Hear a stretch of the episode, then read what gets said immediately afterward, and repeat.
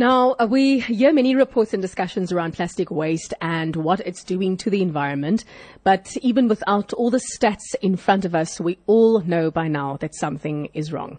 So I've done personally myself many beach cleanups, um, but I also like to visit the ocean with my family from time to time. And the amount of plastic and rubbish that I do see lying around, it's really, really shocking, I have to say. Um, but in this time of crisis, you know, we now have the opportunity and the ability to change our lifestyle, to change our behavior, and also the way we consume. And this morning we're chatting to Justin Smith. He's the head of the business development unit for WWF South Africa, the Worldwide Fund for Nature. And we find out more about Tuffy, who have partnered with WWF South Africa, and how this partnership is helping to fight plastic waste in our country. Good morning, Justin. Welcome to the show. Good morning, Kia. Thank you very much for having me. Now, Justin, you know, through one's journey with sustainability and regeneration, you know, when we look at products we consume on a daily basis, it's not just about the product, but it's also about packaging. And in essence, that is how you close the loop. Now, can you tell us more about the relationship between Tuffy and WWF South Africa and why and how this journey came about? Sure, Kia. I think Tuffy's really been a, a leading South African company you know, for over 30 years, looking at innovation in terms of trying to change the model to take more recycled content into products. And that's obviously something that we strongly support as WWF. I think, as you said, we, you know, from this time, we've really got to learn to change the way that we, we, we kind of live and consume. Mm. We can't just take things, use them once, and then throw them away. You know, we, we really don't have the, the luxury of that kind of, of provision from our planet. We've got to start thinking about more circular models mm. for our economy. And, and Tuffy's really been a business that's driven that for a very long time. They were the first in South Africa to be certified for using 100% recycled material in their refuse bags and in their grocery bags that they produce.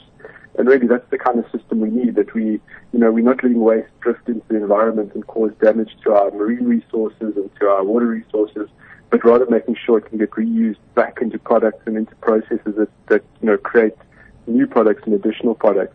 So if we can have that kind of closed loop system, that, mm. that's ideal in terms of really trying to preserve the, the, our environment a lot better. So, uh, Justin, how will communication and awareness be carried over? So, Tuffy's been really amazing in that they, they're donating a, a portion of the proceeds of the sale of their refuse bags to WWF to support our work um, in conservation. And you'll see that there's some communication on product. Um, if you go and buy uh, 100% recycled refuse bag in one of your local retail stores. And then beyond that, um, as you said, there, you know, there's lots of activations that people see, like beach cleanups. Mm. But actually, we, we really try to change the whole system. It's, it's an important activation, but we can't fix it right at the end of the process. We've got to um, look at how we work with all of the different companies to, to really change the processes. And Tuffy's been one of the founding members of the South African Plastics Pact that WWF and partners have been driving.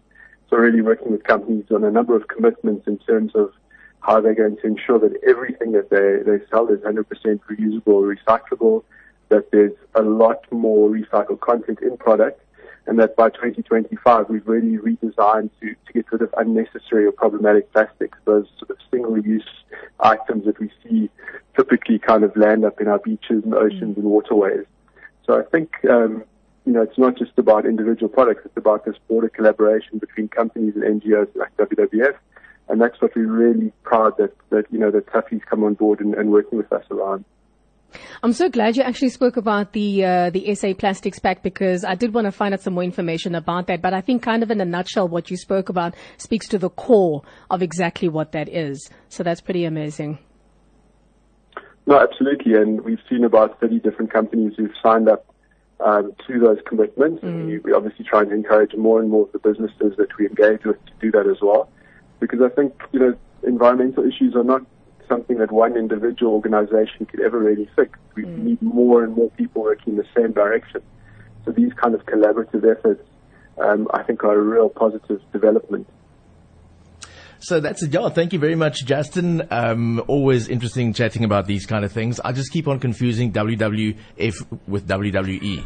I keep on thinking. I keep on thinking about. Yeah, no. Guys. this is my colleague. Is, yeah, no. uh, this, this, is how Anton's mind thinks yeah, so. So please is, forgive him. This is a different kind of fight. This is a different kind of fight. yeah, different kind of fight. Yeah. Okay, but thank you very much, We have Justin. to wrestle for the environment, though. So don't Yeah, we do. Yeah, we yeah, do. I like that. I like that. nice We have to wrestle for the environment. I like that one. okay, thank you, Justin. Enjoy your day. Thanks very much, Anton. Thank Okay. you. Take care. Bye bye. Bye.